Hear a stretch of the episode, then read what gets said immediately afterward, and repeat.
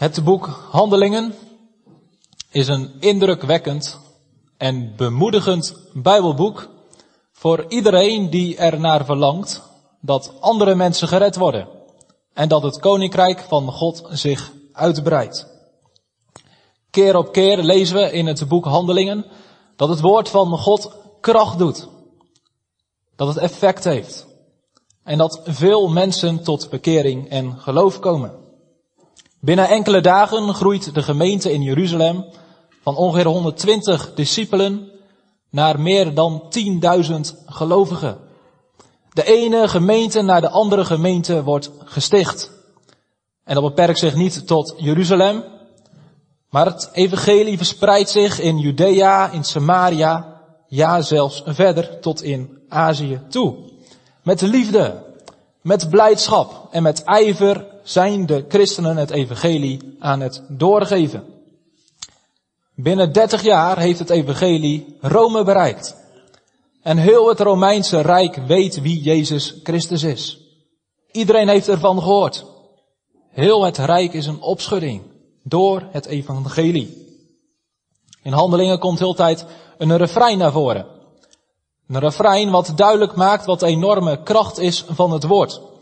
En dat refrein dat komt weer terug in handelingen 16 vers 5, wat we hebben gelezen. Daar staat het, de gemeenten dan werden bevestigd in het geloof en namen dagelijks in aantal toe. Gemeenten die dagelijks in aantal toenemen. Nou, dat is niet echt wat we nu in Nederland zien, volgens mij.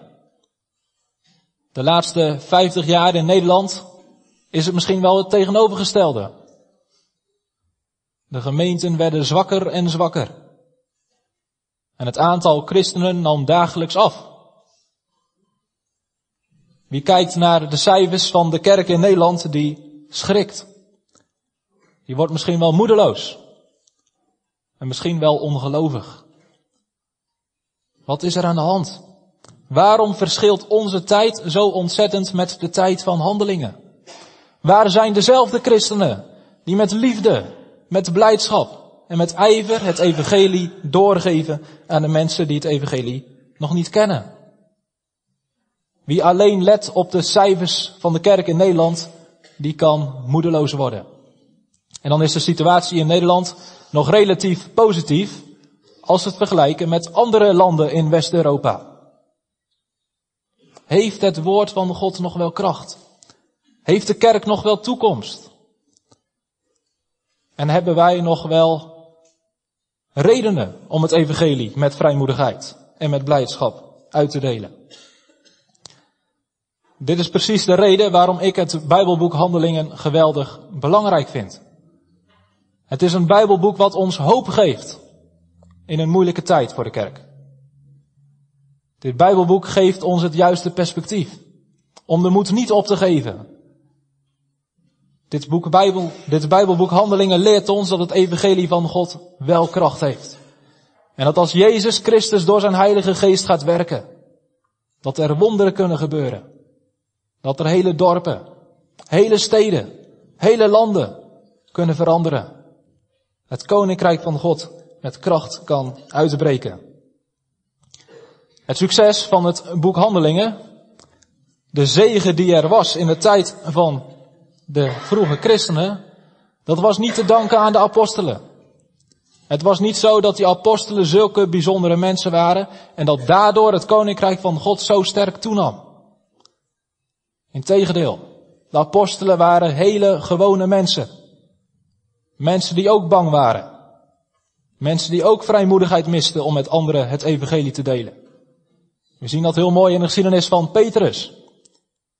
Was Petrus zo dapper? Hij preekte met Pinksteren voor meer dan 5000 mensen. Maar we weten ook dat Petrus Jezus drie keer verlogende. Zo dapper was Petrus niet. De apostelen waren hele gewone mensen. En zij hadden net als u en ik de kracht van de Heilige Geest nodig. En daarom zei Jezus, toen hij opvoer naar de hemel, jullie moeten in Jeruzalem blijven. Totdat jullie aangedaan zijn met kracht uit de hoogte. Totdat jullie de Heilige Geest hebben ontvangen. En dan, daardoor zullen jullie mijn getuigen kunnen zijn. Dat apostelen gewone mensen waren, dat hebben we ook gelezen aan het eind van hoofdstuk 15. Wij kunnen het idee hebben bij Paulus en andere apostelen, dat waren hele heilige mensen. Maar aan het eind van handelingen 15 hebben we gelezen dat ze gewoon ruzie maakten. Het waren gewone mensen. En het succes van het evangelie in de tijd van handelingen was absoluut niet aan hen te danken. Wat is wel het geheim van handelingen? Wat is wel de reden dat het evangelie zo'n kracht deed? Nou, het Bijbelboek Handelingen maakt duidelijk dat de Heilige Geest werkte. De uitbreiding van Gods koninkrijk was volledig afhankelijk van het werk van de Heilige Geest. De Heilige Geest die de apostelen vrijmoedigheid moest geven. De Heilige Geest die christenen vrijmoedigheid moest geven om het woord door te geven. Dat is één ding wat de Heilige Geest doet. Hij geeft kracht en hij geeft vrijmoedigheid. We zien nog iets in het Bijbelboek Handelingen. En dat is namelijk dat de Heilige Geest mensen leidt. De Heilige Geest zorgt ervoor dat de juiste mensen op het juiste moment, tot de juiste moment, tot de juiste mensen het evangelie delen. Zo lezen we dat Filippi wordt gestuurd naar de Moorman, naar de kamerheer van de koningin van Ethiopië, om aan hem het evangelie uit te leggen. We lezen ook dat de Heilige Geest Petrus stuurt naar de hoofdman Cornelius, om aan hem het evangelie te verkondigen zodat ook de heidenen zullen delen in de kennis van Jezus Christus. Verderop lezen we dat de Heilige Geest Paulus en Barnabas erop uitstuurt om naar de heidenen te gaan.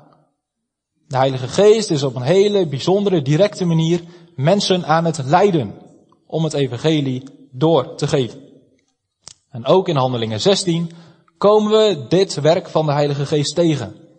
Ook in Handelingen 16 lezen we dat de Heilige Geest mensen aan het leiden is, aan het sturen. Zo lezen we in Handelingen 16 dat de Heilige Geest ervoor zorgt dat Paulus met zijn metgezellen niet naar Azië gaan. Ze mogen ook niet naar Bithynië, maar ze moeten naar Macedonië, naar Europa. Als je dit zo leest, de leiding van de Heilige Geest, dan komen er bij mij en misschien ook bij u vragen naar boven. En de eerste vraag die mij boven kwam, Waarom mag Paulus met zijn metgezellen niet naar Azië? Waarom houdt de Heilige Geest hun tegen om naar Bithynië te gaan? En waarom mogen ze dan wel naar Macedonië? Weet u het? Nou, zegt iemand, misschien waren die mensen in Bithynië en in Azië niet zo goed. Waren de mensen in Macedonië beter?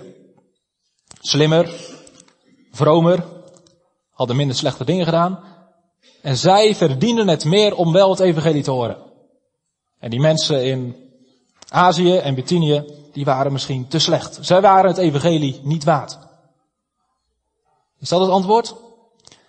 Mogen sommige mensen het evangelie wel horen en anderen niet, omdat de ene beter is dan de andere?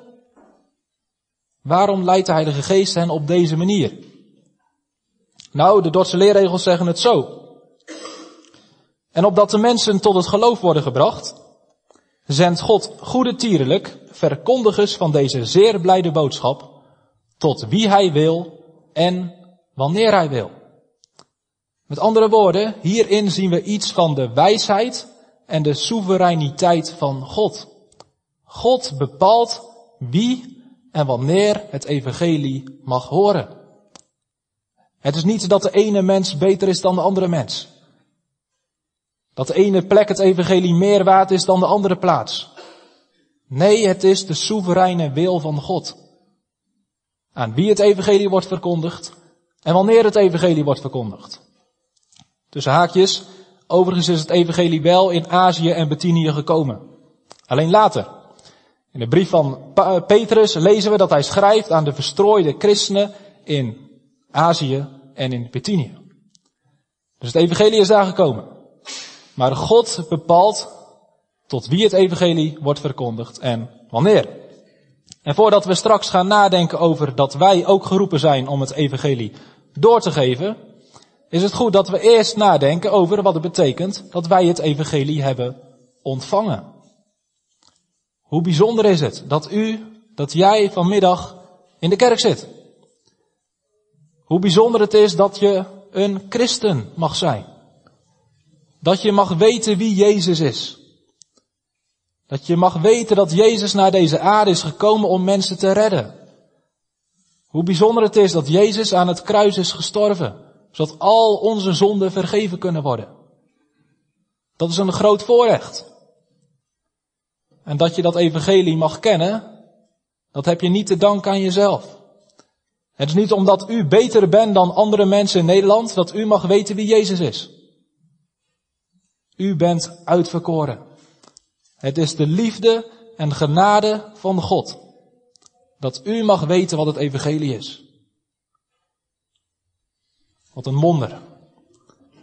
Wat een voorrecht. En als je dat beseft, dan moet je zuinig zijn op dat evangelie. Dan moet je dat evangelie met beide armen aannemen. En God hartelijk danken. Wij zijn het niet waard, net zo min als anderen om het evangelie te horen. Maar God heeft ons uitverkoren om te weten wie Jezus Christus is. Geloof daarom het evangelie. En leef elke dag met blijdschap en met dankbaarheid uit het goede nieuws van Jezus Christus.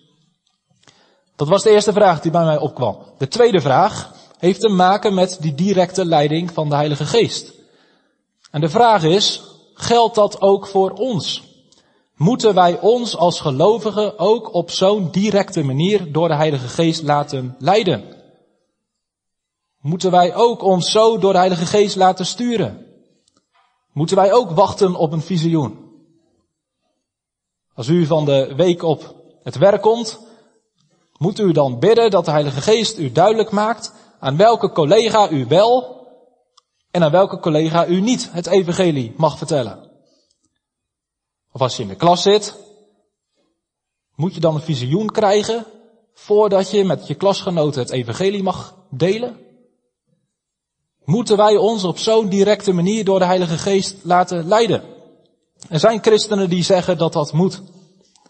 Die zeggen als je tot geloof bent gekomen, als je een christen bent, dan is de eerste opdracht die je hebt om te leren luisteren naar de Heilige Geest. Je moet leren hoe de Heilige Geest spreekt. Je moet die stem leren herkennen. En vervolgens moet je daaraan gehoorzamen. Zoals we lezen in Handelingen 16, zo wil de Heilige Geest ons allemaal op een hele directe, persoonlijke manier leiden, zodat we precies weten wat God van ons verwacht. Is dat zo? Toen ik uh, nog geen theologie had gestudeerd, of nog niet zo lang, ik weet het niet meer zo goed wanneer het was, toen sprak ik christenen die zo dachten. En ik kreeg een boek te lezen waarin iemand vertelde hoe dat in zijn eigen leven werkte. En ik vond dat heel bijzonder. Vond het zo bijzonder dat iemand precies wist wat de Heilige Geest van hem wilde. En er gebeurden allemaal mooie dingen in zijn leven. En toen ik dat boek had gelezen, dacht ik, dat wil ik ook. Ik wil ook dat God heel direct door mij heen werkt. Ik wil graag met mensen het evangelie delen. Ik ga proberen ook de stem van de Heilige Geest te verstaan. Dus ik ging daarvoor bidden. Bidden dat de Heilige Geest mij heel direct duidelijk maakte wat ik precies moest doen. Nou, toen ik aan het bidden was, toen kreeg ik gedachten. En ik dacht aan mensen en ik denk, misschien moet ik wel aan hun het evangelie vertellen. Misschien moet ik naar ze toe gaan en zeggen, hallo, ik ben Evert Meijer en de Heilige Geest heeft tegen mij gezegd dat ik aan u het evangelie moet vertellen. Werkte dat zo? Ik wist het niet zo goed. Dus ik ging nog meer bidden. En dan hoopte ik dat die gedachten weggingen of extra sterk werden. Maar die gedachten bleven. Op een gegeven moment zei ik tegen God, als dit dan de stem is van de Heilige Geest, dan ga ik naar die mensen toe die ik in gedachten heb. En dan ga ik hun het evangelie vertellen. Nou, dat vond ik heel spannend. En ik was heel blij dat ik toen ik op de bel had gedrukt merkte dat de mensen niet thuis waren. En toen, ik wist het nog steeds niet. Wat denkt u? Wat denk jij? Moeten wij ons op zo'n directe manier door Heilige Geest laten leiden? Nou, ik heb hier veel over nagedacht en ik ben erachter gekomen dat dat niet moet. En daar heb ik twee redenen voor. De eerste reden is dat in dit stukje dat helemaal niet zo gebeurt. In ons gedeelte, als je goed leest, dan zie je dat Paulus en de zijnen niet zo aan het zoeken zijn naar de wil van de Heilige Geest. Integendeel, ze maken zelf hun plannen. Er staat dat ze zelf naar Azië wilden gaan. En op een of andere manier maakt de Heilige Geest hen duidelijk dat dat niet de weg was. En vervolgens staat ze dat ze proberen naar Bithynië te gaan. We zien hier dus mensen die zelf plannen maken. Mensen die zelf zoeken om gehoorzaam te zijn aan de opdracht om het evangelie te delen. Dat is de eerste reden. De tweede reden is dat we rekening moeten houden met het verschil tussen iets wat beschreven wordt en iets wat voorgeschreven wordt. En dit is een belangrijk onderscheid omdat heel veel discussies tussen christenen hiermee te maken hebben. Sommige christenen zeggen als iets beschreven wordt in de Bijbel, dan is dat automatisch een opdracht voor elke gelovige. Dus als er in handelingen staat dat christenen in tongen spreken, dat staat beschreven, dan is dat automatisch een opdracht voor elke gelovige. Maar is dat zo? Nou, als iets beschreven wordt, dan wordt het nog niet per se voorgeschreven. En hoe weten wij of iets wat beschreven wordt ook een opdracht is voor ons als gelovig allemaal? Dat weten we door de brieven. We hebben niet alleen geschiedenissen die beschreven staan, we hebben ook brieven waarin de apostelen precies duidelijk maken wat wij als christenen moeten denken, maar ook wat wij als christenen wel of niet moeten doen. In de brieven staan de dingen voorgeschreven. En in de brieven staat nergens dat wij als christenen allemaal in tongen moeten spreken. Dat is geen opdracht voor elke gelovige. Dus dat hoeven we niet te doen. En er staat ook nergens in de brieven dat wij ons op zo'n directe manier moeten laten leiden door de Heilige Geest. Nergens staat dat God ons bovennatuurlijk wil leiden, ons precies wil duidelijk maken wat wij wel of niet moeten doen. Maar zegt iemand, Paulus zegt tegen de Efeziërs, jullie moeten niet onverstandig zijn, maar jullie moeten weten wat de wil van God is. Is het dan niet de opdracht voor elke gelovige om de wil van God te zoeken? En Paulus zegt in Galaten 5 en in Romeinen 8 dat we ons moeten laten leiden door de Heilige Geest. Paulus zegt zelfs dat is een kenmerk van een echte christen. Zoveel als er door de geest van God geleid worden, die zijn kinderen van God. Moeten we ons dus niet door de Heilige Geest laten leiden? Zeker wel. Alleen Paulus maakte duidelijk in Efeze 5 en in Galaten 5, Romeinen 8, dat dat laten leiden door de Heilige Geest niet buiten het woord omgaat. Integendeel, Paulus wil juist dat we ons gaan laten leiden door het woord. Als Paulus zegt dat we ons moeten laten leiden door de geest, dan bedoelt hij dat we een heilig leven gaan leiden. In overeenstemming met de Bijbel, met het woord van God. De opdracht die wij als christenen, als gelovigen krijgen door de brieven, is niet dat we op een bovennatuurlijke, directe manier ons laten leiden door de Heilige Geest, maar dat we ons laten leiden door het woord van God. En in de Bijbel heeft God volkomen, voldoende beschreven wat wij wel en niet als christenen moeten doen. Dus, het is niet de vraag wat de Heilige Geest op onze directe manier duidelijk maakt aan wie wij wel of niet het evangelie moeten verkondigen. Nee, het is de vraag, wat heeft God aan elke gelovige als opdracht gegeven als het gaat om het doorgeven van het evangelie? De wil van God is dat alle volken tot zijn discipelen worden gemaakt. Het is de wil van God dat alle mensen weten wie Jezus Christus is.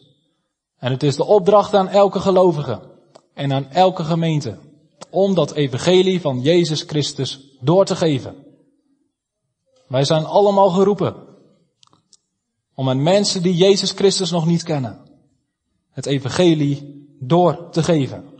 Dat is onze opdracht. Maar daarin moeten wij onze eigen verantwoordelijkheid nemen. Daarin mogen wij onze eigen plannen maken. Wij krijgen de vrijheid.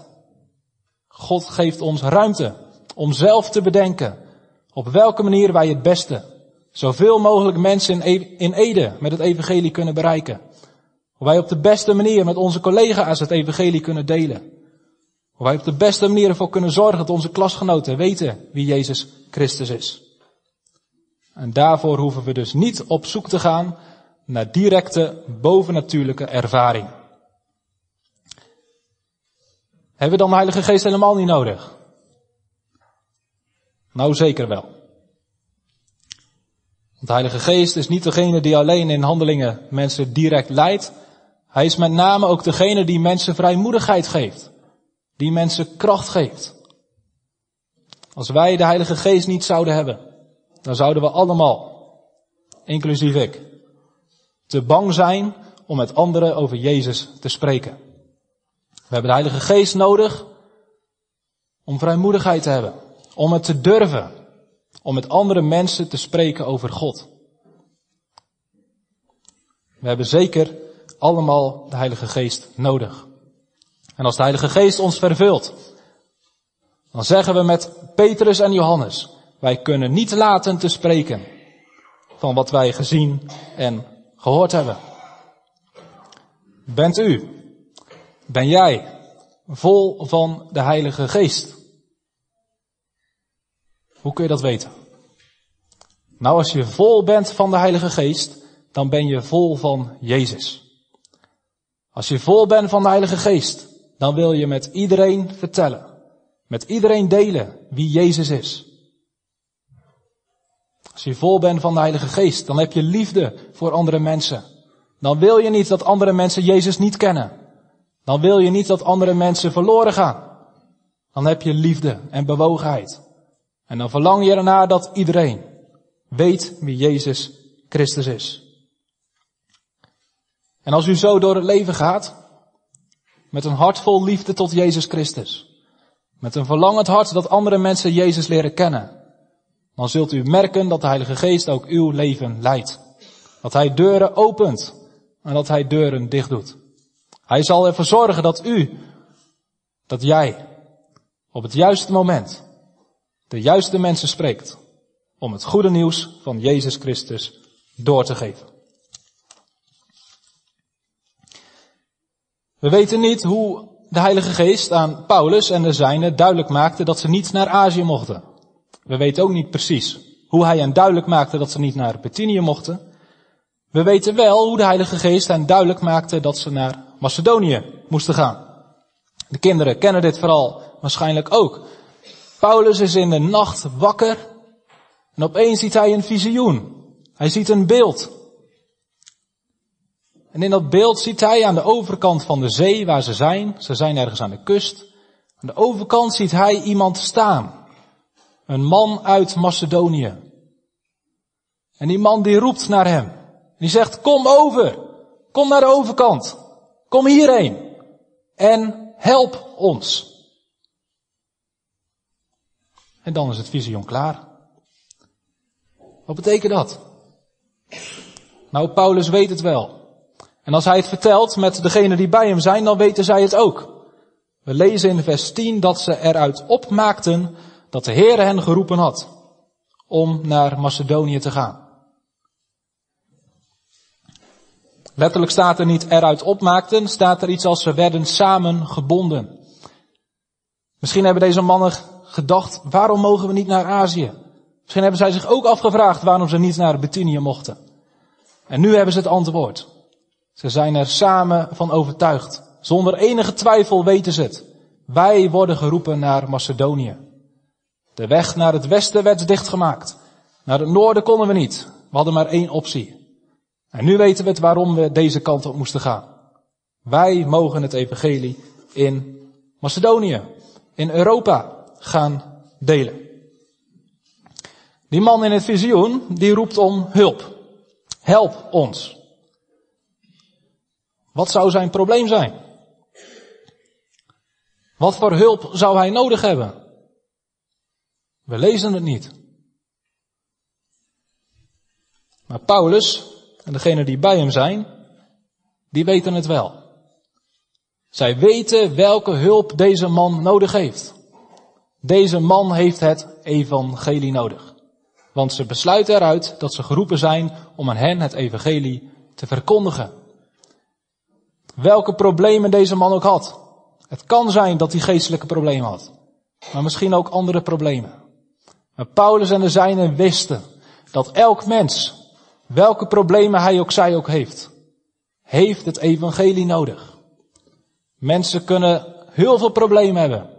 Psychisch, lichamelijk, financieel, sociaal. En ga zo maar door. Maar welke problemen mensen ook hebben.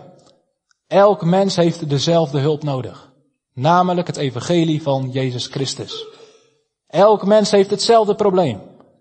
Dat hij of zij gescheiden is van God. Dat hij of zij onder de toren van God ligt. Dat hij of zij dood is in zonden en misdaden. En voor dat probleem is er maar één oplossing. Dat is het evangelie van Jezus Christus. En daarom zegt Paulus ook, heel vaak in zijn brieven, dat hij eigenlijk maar één boodschap heeft. Hij heeft maar één verlangen, één doel. En dat is dat mensen weten wie Jezus Christus is. Paulus zegt, ik wil niemand anders verkondigen dan Jezus Christus en Hem gekruisigd. Er is geen andere boodschap die mensen kan redden dan het evangelie. En daarom zegt Paulus, ik schaam mij niet voor het evangelie. Want het is een kracht van God tot zaligheid, tot redding, voor iedereen die gelooft. Paulus schaamt zich niet voor het evangelie. Integendeel, hij roemt erin. Paulus is trots op het evangelie. Paulus is blij met het evangelie. Paulus weet dat hij een boodschap heeft. En welke problemen mensen ook hebben. Mensen hebben dit nodig. Het evangelie van Jezus Christus. Zijn er mensen in onze tijd, in Ede, in Nederland, op uw werk, die ook roepen om hulp? Zijn er mensen die ons toeroepen, kom over en help ons? Zijn er mensen die ons zo toeroepen? Nou, volgens mij genoeg. Ondanks alle welvaart zijn er heel wat mensen, ook in Nederland, die roepen om hulp. Mensen die problemen hebben op hun werk. Mensen die last hebben van een burn-out. Mensen die moeite hebben in hun huwelijk. Mensen die vastlopen in deze maatschappij. Mensen die arm zijn. Die met moeite rond kunnen komen. Mensen die verslaafd zijn. Mensen die mishandeld worden. Er zijn talloze mensen die roepen, kom over en help ons. Maar roepen deze mensen ook om het evangelie? Zijn er mensen in Ede die u toeroepen? Sion de kerk, kom naar ons toe en vertel ons alstublieft wat het evangelie is. Kom over en help ons. Over het algemeen zijn er weinig mensen die om die hulp vragen. Er zijn genoeg mensen die vragen om hulp voor hun aardse problemen, voor hun tijdelijke problemen. Maar hoeveel mensen zijn er die hulp vragen voor hun geestelijke problemen? En het is de vraag wat wij daarmee doen. Er zijn mensen die ingaan op de hulpvraag van de wereld. Er zijn christenen die zich heel actief inzetten om mensen in de maatschappij te helpen. Die roepen om hulp. Ze voorzien mensen van geld, van kleding, van eten, van trainingen, van coach, van, nou, noem alles maar op. Hoe je mensen tijdelijke hulp kunt bieden. En zij denken dat zij daarmee die mensen helpen. En dat is ook zo. Die mensen zijn ontzettend blij met een inloophuis. Die mensen zijn ontzettend blij dat er mensen zijn die om hen geven. Die ervoor zorgen dat ze zich niet zo eenzaam voelen. Mensen die blij zijn dat ze worden geholpen om van hun verslaving af te komen. En wij moeten ons als christenen daar ook zeker voor inzetten. Wij zijn geroepen om in deze hulpvraag te doen wat wij kunnen. En tegelijkertijd, het is niet genoeg. Het is niet het enige wat deze mensen nodig hebben. Want alle praktische hulp die wij mensen kunnen bieden, kan hun niet het eeuwige leven geven. Alle praktische hulp die wij hun bieden, kan hun niet redden. Er is maar één manier voor alle mensen om gered te worden. En dat is te weten wie Jezus Christus is. Er is één naam onder de hemel gegeven door wie wij zalig moeten worden. Dat is de naam van Jezus Christus. En Jezus zei, niemand komt tot de Vader dan door mij. Ik ben de weg, de waarheid en het leven. Dus wij moeten ervoor zorgen dat mensen weten wie Jezus Christus is. Maar we moeten dan uitkijken dat we niet vervallen in een ander uiterste. Het kan zijn dat we dat beseffen en dat we daarom zeggen, oké, wij moeten dus aan iedereen het evangelie vertellen. Maar dat kost al zoveel energie en zoveel tijd, we komen dan niet toe aan de praktische hulp. Wij geven de mensen het evangelie en voor al die andere problemen die ze hebben, dat moeten anderen maar oplossen. De kans dat we dan met succes het evangelie delen is heel klein. Dan zijn we niet geloofwaardig. Als we ons wel druk maken om de eeuwigheid van die mensen, maar niet om hun leven hier op aarde. Als we ons wel druk maken om hun geestelijke problemen, maar geen aandacht hebben voor hun lichamelijke problemen. Wij moeten daarom dit combineren. We moeten de hulpvraag van de mensen aanhoren en proberen daarin zoveel mogelijk te voorzien. En als we mensen daarin voorzien, dan maken we een vlakke weg. Dan maken we ze ontvankelijk om ook het evangelie te horen. Ik ben nu een boek aan het lezen over een zending door nou, al de eeuwen heen, vanaf het allereerste begin tot nu toe. Er komen allemaal verschillende zendelingen langs. En dat boek begint helemaal in het begin, bij de vroege kerk. Als je de eerste drie eeuwen van de christendom nagaat, dan is het ongelooflijk hoe snel het christendom verspreidde. Hoeveel gemeenten, hoeveel stipjes er op de landkaart bijkwamen. Dat ging razendsnel. En dat boek dat gaf daar drie redenen voor. De eerste reden was dat alle mensen, alle mensen, alle christenen, met iedereen probeerden het evangelie te delen. Christenen stonden erom bekend, welke status ze ook hadden, welk werk ze ook deden. Overal waren christenen bezig om andere mensen te bewegen tot geloof in Jezus Christus. Of iemand nou een slavinnetje was, of een gevangenbewaker, of wat voor werk ook deed. Iedereen was actief om mensen te bewegen in Jezus te geloven. Dat was één. Maar het tweede, deze christenen stonden erom bekend dat ze voor iedereen klaar stonden om hulp te bieden.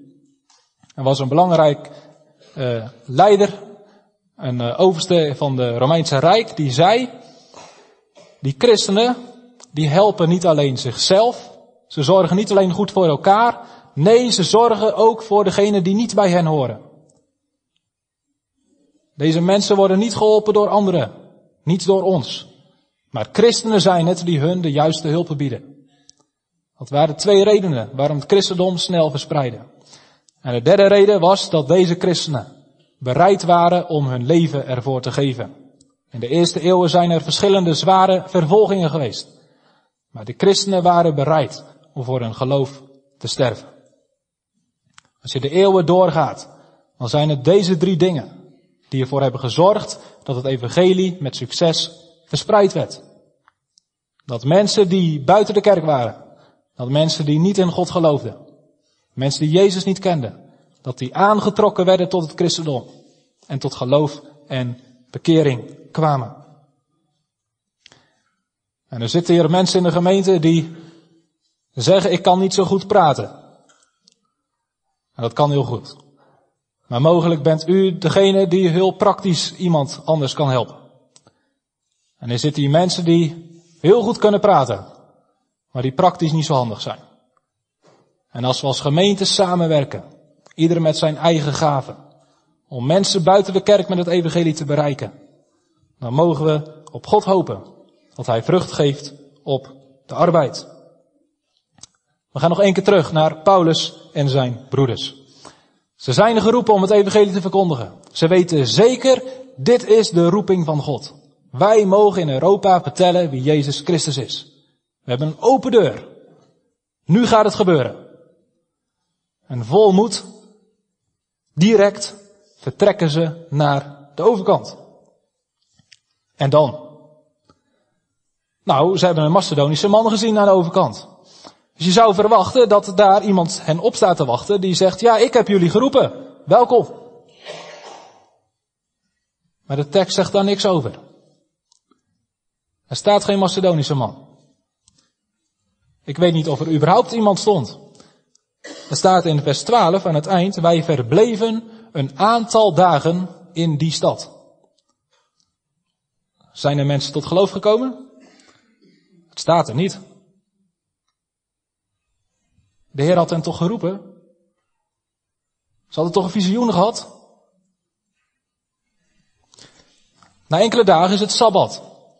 Ze besluiten om de rivier langs te gaan naar een plek waar mogelijk Joden samen zullen komen voor gebed, voor hun godsdienstoefening.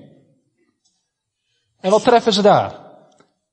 Een Macedonische man, een paar vrouwen.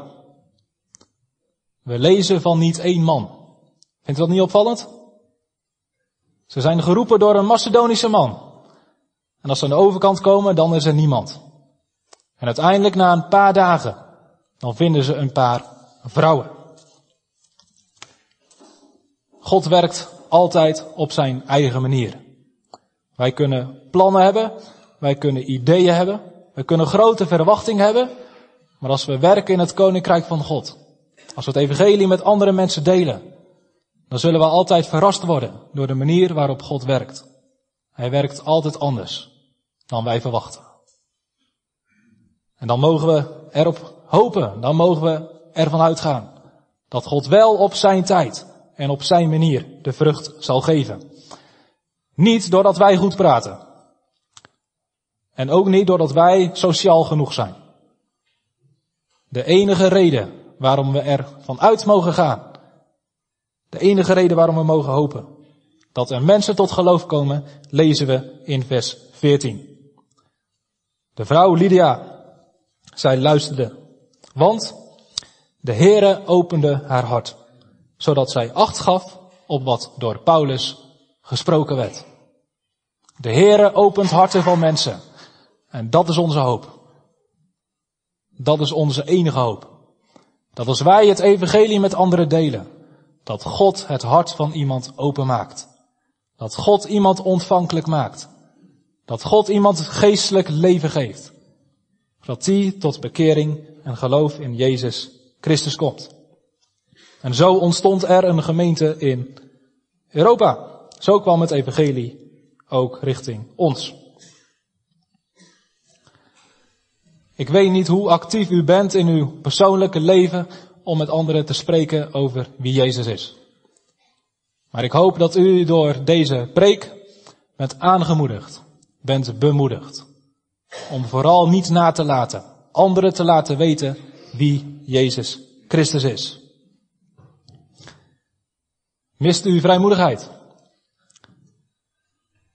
Bent u bang om zomaar over anderen, met anderen te vertellen over wat het betekent om christen te zijn? Ik denk dat we dat allemaal herkennen.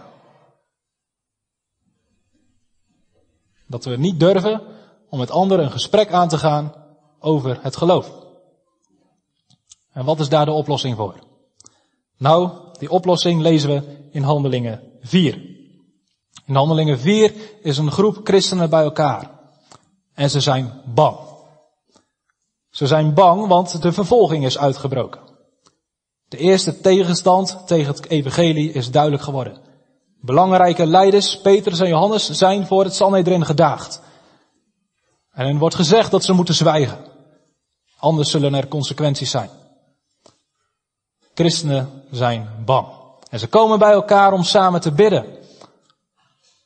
Niet dat ze niet gedood hoeven te worden. Nee, ze bidden dat ze ondanks de tegenstand vrijmoedigheid mogen houden. Om toch het evangelie met anderen te delen. En we lezen dan, als ze gebeden hebben, in vers 31. Toen zij gebeden hadden, werd de plaats waar zij bijeen waren bewogen. En zij werden allen vervuld met de Heilige Geest. En spraken het woord van God met vrijmoedigheid. Wij kunnen verlost worden van onze angsten, van onze kramp, door vervuld te worden met de Heilige Geest. En toen Jezus zijn discipelen leerde bidden in Lucas 11, toen zei hij als een aardse vader goede dingen geeft aan zijn kinderen. Dat doet een vader toch? Die geeft geen steen als een zoon hem om een brood vraagt. Als een aardse vader al zo goed is en geeft waar zijn kind om vraagt, hoeveel te meer zal de hemelse vader de heilige geest geven aan degenen die hem daarom bidden.